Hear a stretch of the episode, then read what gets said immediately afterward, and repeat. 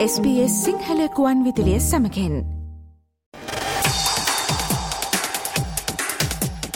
ජයපරාජය මැදින් ගලා යන සද්දිල කෙලිබිලේ උණුසුම.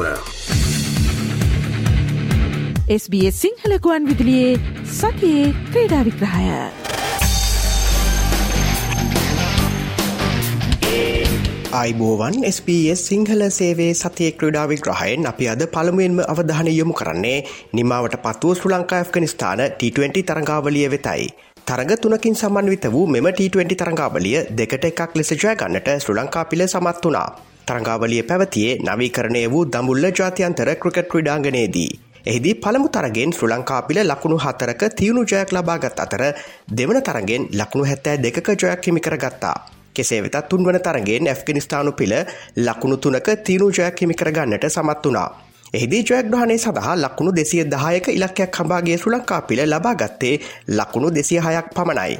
එම තරගේ ශ්‍ර ලංකා පිළිතුරු ඉනිමේ අවසන් පන්දුවාරයේ සිව්වන පන්දුවේ දී ලැබුණු විනිසුරු තීරණය පිළිබඳව දැඩි විවේචන එල්ල වුණා. ශ්‍ර ලංකා විනිසුරු ලින්ඩන් හැනිබල් විසින් එය නිපන්දුවක් ලෙස නම් නොකිරීම පිළිබඳව තරගෙන් පසුව නායක මනිදු හසරංග දැක් වූයේ මෙවන්න අදහසක්. ඔහු ඇත්තරම ඉතින් ඒ වගේ එකක් ඉන්ටර්නැෂනල් තරගයක වෙන්න බෑ. ඉතින් ඒක ළඟින් ගියා නම් ඒක ප්‍රශ්නයක් නෑ. ඒ වගේ එච්චර උඩින් ගිය එකක් මම හිතන්නේ තව ටිකක් උඩට ගියා නම් බැට්ස්මන්ගේ ඔළුවේ වදිනවා මොකද. ඉතින් ඒ වගේ එකක් පේන්නේ නැහැ කියන්නේ මම හිතන්නේ මේ විනිසුරුවරයා ඉන්ටර්නැෂනල් ලෙවල් එකට හරියන්නේ නැහැ. ඉතින් එයා වෙන ජොබ් එකක් කරා නම් තමයි ඇත්තටම ගොඩක් හොඳ. එවැනි නිපන්දු සම්බන්ධයෙන් තුන්වැනි විනිසුරුගේ සහය ලබා ගැනීමේ හැකියාව තිබුණා නම් එය මෙවන් අවස්ථාවක ප්‍රයෝජනවත් බවයි වනිදු වැඩිදුරටත් පවසන්නේ. මට මතක විදිහට පහුගිය කාලේ තිබුණා රිවිව් කරන්න පුළුවන්. ඒක මම හිතන්නේ ICC එකෙන් නැති කරලා තිබුණා. ඉතින් අපේ බැට්ස්මන්ලත් ඒ වෙලාවේ try කරා ඒක රිවිව් කරලා ගන්න. ඉතින් ඒක මං හිතන්නේ නෝ බෝල් එක අපි කකුලෙන් යන නෝ බෝල් එක බලනවා නම් තර්ඩ් ඩම්පර් ඉතින් අර වගේ එකකුත් eh, තර්ඩ් ඩම්පර් බලන්න පුළුවන් ඒක බැරි කමක් නෙවෙයි. ඉතින් නැත්තම් ඒ අම්පයර්ට තිබුණ ඒක යාට සුව නැත්තම් යාට තර්ඩ් අම්පයර්ට යන්න. ඉතින් එහෙම කරෙත් නැහැ. ඉතින් මන් දන්නේ මොකක්ද ඒ වෙලාවේ එයාගේ ඔළුවේ වැඩ කරේ කියලා. තුන්වන තරගයේදී ලකුණු 60ක් ලබා සිටියේදී පැතුම් නිසංක පාදය ආබාධයකට ලක් වුණා. මේ පිළිබඳව අදහස් දක්වමින් නායක වනිදු හසරංග පවසන්නේ තරග අතරතුර විවේකය අඩුවීම මීට හේතු විය හැකි බවයි. හැම්ස්ට්‍රින් එක තමයි ඉතින් පැතුම් නිසංක අපි දැක්කයා ODI තරග තුනක් ක්‍රීඩා කරලා මුල් තරග දෙක ක්‍රීඩා කරේ එක දවසේ රෙස්ට් එක ඊට පස්සේ තරගයට දවස් දෙකක් තිබුණා ඊට පස්සේ වන් ඩේ වලින් එනකොට දවස් දෙකයි අපිට රෙස්ට් එක තිබුණා. ඉතින් T20 අපි ක්‍රීඩා කරා දවසක රෙස්ට් එකෙන් ඉතින් මම හිතන්නේ අපි ගත්තොත් දවස් 12ක් 11ක් ඇතුළත තරඟ 6ක් ක්‍රීඩා කරලා තියෙනවා. ඉතින් ඉන්ටර්නැෂනල් තරඟාවලි දෙකක් එච්චර පොඩි දවස් ගානකින් අපිට ක්‍රීඩා කරලා ඉවර කරන්න අමාරුයි. අපි දැක්කේ ආ පන්දු රකින්නකොට එයා ඉන්නේ අනිත් එක පන්දුව නිතරම එන තැන්වල අපි දැක්කේ ආ කොච්චර පන්දු රකින්නකොට දිව්වද කියලා. ඉතින් ඇත්තටම අපිට පුළුවන් නම් ටෙස්ට් එක වැඩි කරලා ක්‍රීඩා කරන්න ඒක ගොඩක් ලොකු දෙයක් කියලා ප්ලේයර්ස්ලා පැත්තෙන් මොකද තරගයක් ක්‍රීඩා කරලා පැය 24ක රෙස්ට් එකෙන් තව තරගයක් ක්‍රීඩා කරන එක ඇත්තටම ගොඩක් අමාරු දෙයක්. ලෝක කුසලාන තරඟාවලිය ඉලක්ක කර ගනිමින් කණ්ඩායමේ පන්දු රැකීමේ අංශය තවදුරටත් දියුණු කර ගැනීම තම අරමුණ බවයි වනිදු පවසන්නේ. මම ගොඩක්ම බලාපොරොත්තු වෙන්නේ තව අපිට ෆීල්ඩින් අපිට තව ෆීල්ඩින් ගොඩක් හොඳට කරන්න පුළුවන් කණ්ඩායම. මොකද තරුණ කණ්ඩායමක් ඉන්නේ ඉතින් මං නායකයෙක් විදිහට ෆීල්ඩින් මීට වැඩිය බලාපොරොත්තු වෙනවා. ඉතින් අපි බලනවා කොහොම හරි වර්ල්ඩ් කප් එකට යන්න. අපිට තව තියෙනවා මාස 3ක් වගේ කාලයක් තියෙනවා. ඉතින් අපි දවසින් දවස අපි ෆීල්ඩින් වලට තමයි ගොඩක් මහන්සි වෙන්න බලන්නේ. මොකද අපි දැක්ක හොඳ තනතිරු වල පන්දු යවන්නන් සහ පන්දුවට පහර දෙන්නන් එයාලගේ රාජකාරී ඉටු කරනවා. තරඟාවලියේ දෙවන තරගයේදී පිත්තෙන් ලකුණු 42ක් සහ පන්දු යැවීමේදී කඩලු දෙකක් දවා ගනිමින් තරගයේ වීරයා බවට පත් වුණේ ඇන්ජලෝ මැතිව්ස්. මේ වන විට කණ්ඩායම තුළ දක්නට ලැබෙන වෙනසට ප්‍රධාන හේතුව තේරීම් කමිටුව සහ ක්‍රඩකින් අතර පවතින මනා සංනිවේදනය බවයි ඇන්ජලෝ මැතිවස් පවසන්නේ. Yeah, it's all about planning, I think, you know. You get a, in a cycle, you get two years or four years to, to plan things out. I think with the new set of selectors, they've planned everything really well with the new skippers. Uh, they're doing a great job. They're doing. A, they're giving a lot of confidence to uh, the younger players and also the senior players you know, which makes a massive difference. I mean, you obviously can see how we, you know, how the guys are playing. They're playing with a lot of freedom and enjoying the cricket rather than worrying about too many things. That's the mindset that the, the selectors and the captains have created. ඕනෑම මොහොතක කණ්ඩායම වෙනුවෙන් සියයට සීයක් ලබා දීමට තමා සූදානම් බවයි ඇන්ජලෝ මැතිව්ස් වැඩිදුරටත් පවසන්නේ. මයිද මං සිම්බාබ්‍ය තරගාවලී දම්ම මයිද නිදු බාරගත්තම් පස්සේ මට කතා කළ කිව්ව මට ඕවර් දෙක තුනක් දාලා දෙන්න ඒක බැල කණ්ඩායමේ සංයුතියට බලපානවා විශාල වශයෙන් කියලා. ඉතින් මං ඕනම වෙලාවක මට පුළුවන් නම් මං පන්දු යවන්න මං ප්ලෑස්ති නායකයාගේ ඉල්ලීමක් එක්ක සිලෙක්ටර්ස්ලත් මට කතා කරා හොඳ කතා බහක් තිබුණා අපි අතරේ.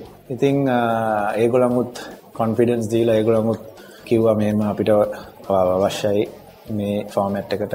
ඉතින් මම 100%ක් දෙන්න ලෑස්ති ඕනම වෙලාවක මම හිතන්නේ මොන ෆෝමැට් එක ගැහුවත් මම පුළුවන් උපරිමයෙන් කණ්ඩායමට මගේ සහයෝගය ලබා දෙන්න බලාපොරොත්තු වෙනවා. තරංගාවලියේ පළමු තරගයේදී කඩුළු හතරක් දවා ගනිමින් තරගේ වීරයා සම්මානය හිමි කරගන්නට මතීෂ පතිරණ සමත් වුණා.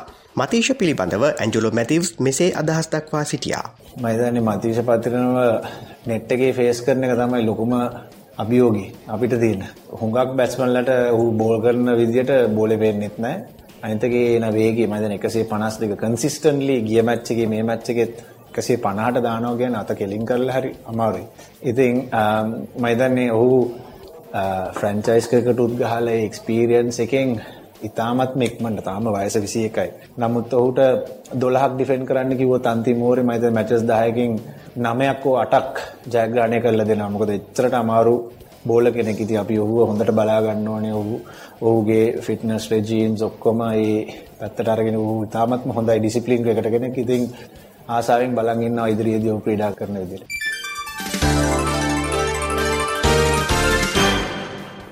ශ්‍රී ලංකා ක්‍රිකට් පිලේ මීළඟ තරග සංචාරය පැවැත්වෙන්නේ බංගලාදේශය සමගයි. එම තරඟාවලියේ තරඟ කාල සටහන පසුගේ දාලි දැක්වුණා.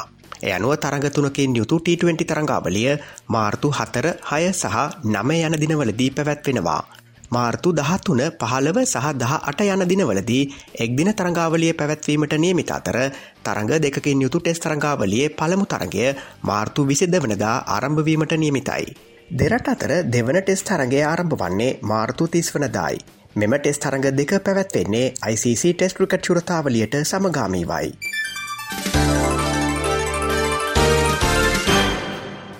SBS සිංහල සේවේ සතිය ක්‍රඩා විග්‍රහයෙන් අපි දැන් සූදානම් වන්නේ තවත් දේශීය ක්‍රඩාපුවත් කිහිපයක් වෙත අවධානය යොමු කරන්නටයි.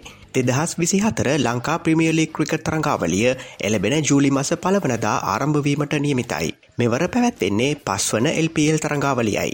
මෙවරත් තරංගාවලියට කණ්ඩායම් පහක් එක්වන අතර සමස්ත තරංගාවලියට තරග විසි හතරක් අයත් වනවා.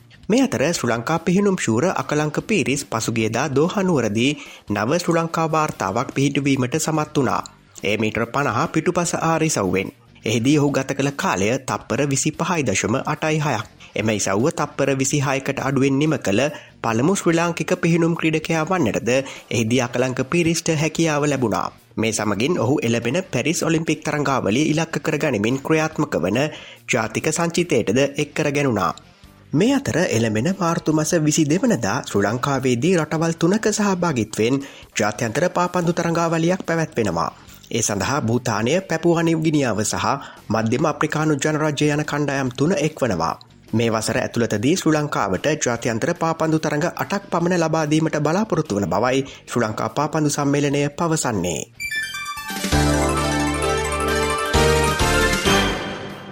SBS සිංහල සේවේ සතිය ක්‍රඩා විග්‍රහයෙන් අපි දැන් අවධානය යොමු කරන්නේ ඔස්ට්‍රලයානු ක්‍රඩා පිටිය වෙතයි.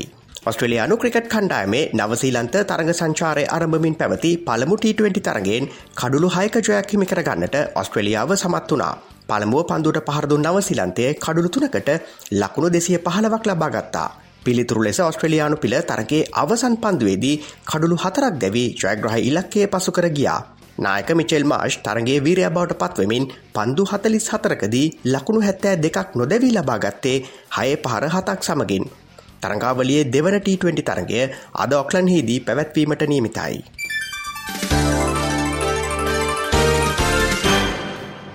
දාහත් වන වරට පැවති ESPN ක්‍රිකින්ෆෝ ක්‍රිකට් සම්මාන ප්‍රධානයේදී ඔස්ට්‍රලයානු ක්‍රඩක ක්‍රඩිකාවන් හය දෙනෙකුට සම්මාන හිමි වුණා. හොඳම ටෙස් පිතිකරු ලෙස ට්‍රැවිසෙට් සම්මාන හිමිකරගත්තා. හොඳම එක්දින පිතිකරු බවට පත් වනේ ගලේන් මැක්ස්වෙල්. දෙදහස් විසිතුන වසරේ ටෙස් පිටියේ හොඳම පන්දු යවන්න බවට නදන් ලයන් සම්මාන හිමිකරගත්තා. කාන්තා T20 ලීක් පිටියේ දක්ෂතම පිතිකාරණය ලෙස ඔස්ට්‍රලියාවේ ග්‍රේස් හැරිස් තේරී පත් වනා. එමෙන්ම T20 ලීක් පිටියේ දක්ෂතම පන්දු යවන්නේ ලෙස සම්මානහිමි කරගත්තේ ඔස්ට්‍රලියාවේ අමන්දා ජේඩ් වෙලින්ටන්. වසරේ හොඳම නායකයා ලෙස ඔස්ට්‍රේලියානු ලෝකශූර නායක පැට්කමින් සම්මාන හිමිකර ගත්තා. මෙම සම්මාන උළලේදී වසරේ හොඳම එක්දින පිතිකාරණය ලෙස ට්‍රලංකාවේ චමරි අතපත්තු තේරී පත් වනා. ඒ සමගින් SBS සිංහල සේවේ සතිය ක්‍රඩා විග්‍රහයෙන් අදට අපි සමුගන්නවා හමුවමු ලබන සිකුරාදාත් සුපුරුදු වේලාවට. එතික් ප්‍රාර්ථනා කරන්නේ ට්‍රැග්‍රහහි සතියක්. ජයපරාජය මැදින් ගලා යන සද්දිල කෙලිබිලේ උණුසුම. SBS සිංහලකුවන් විදිලියේ සතියේ ක්‍රේඩා විග්‍රහය.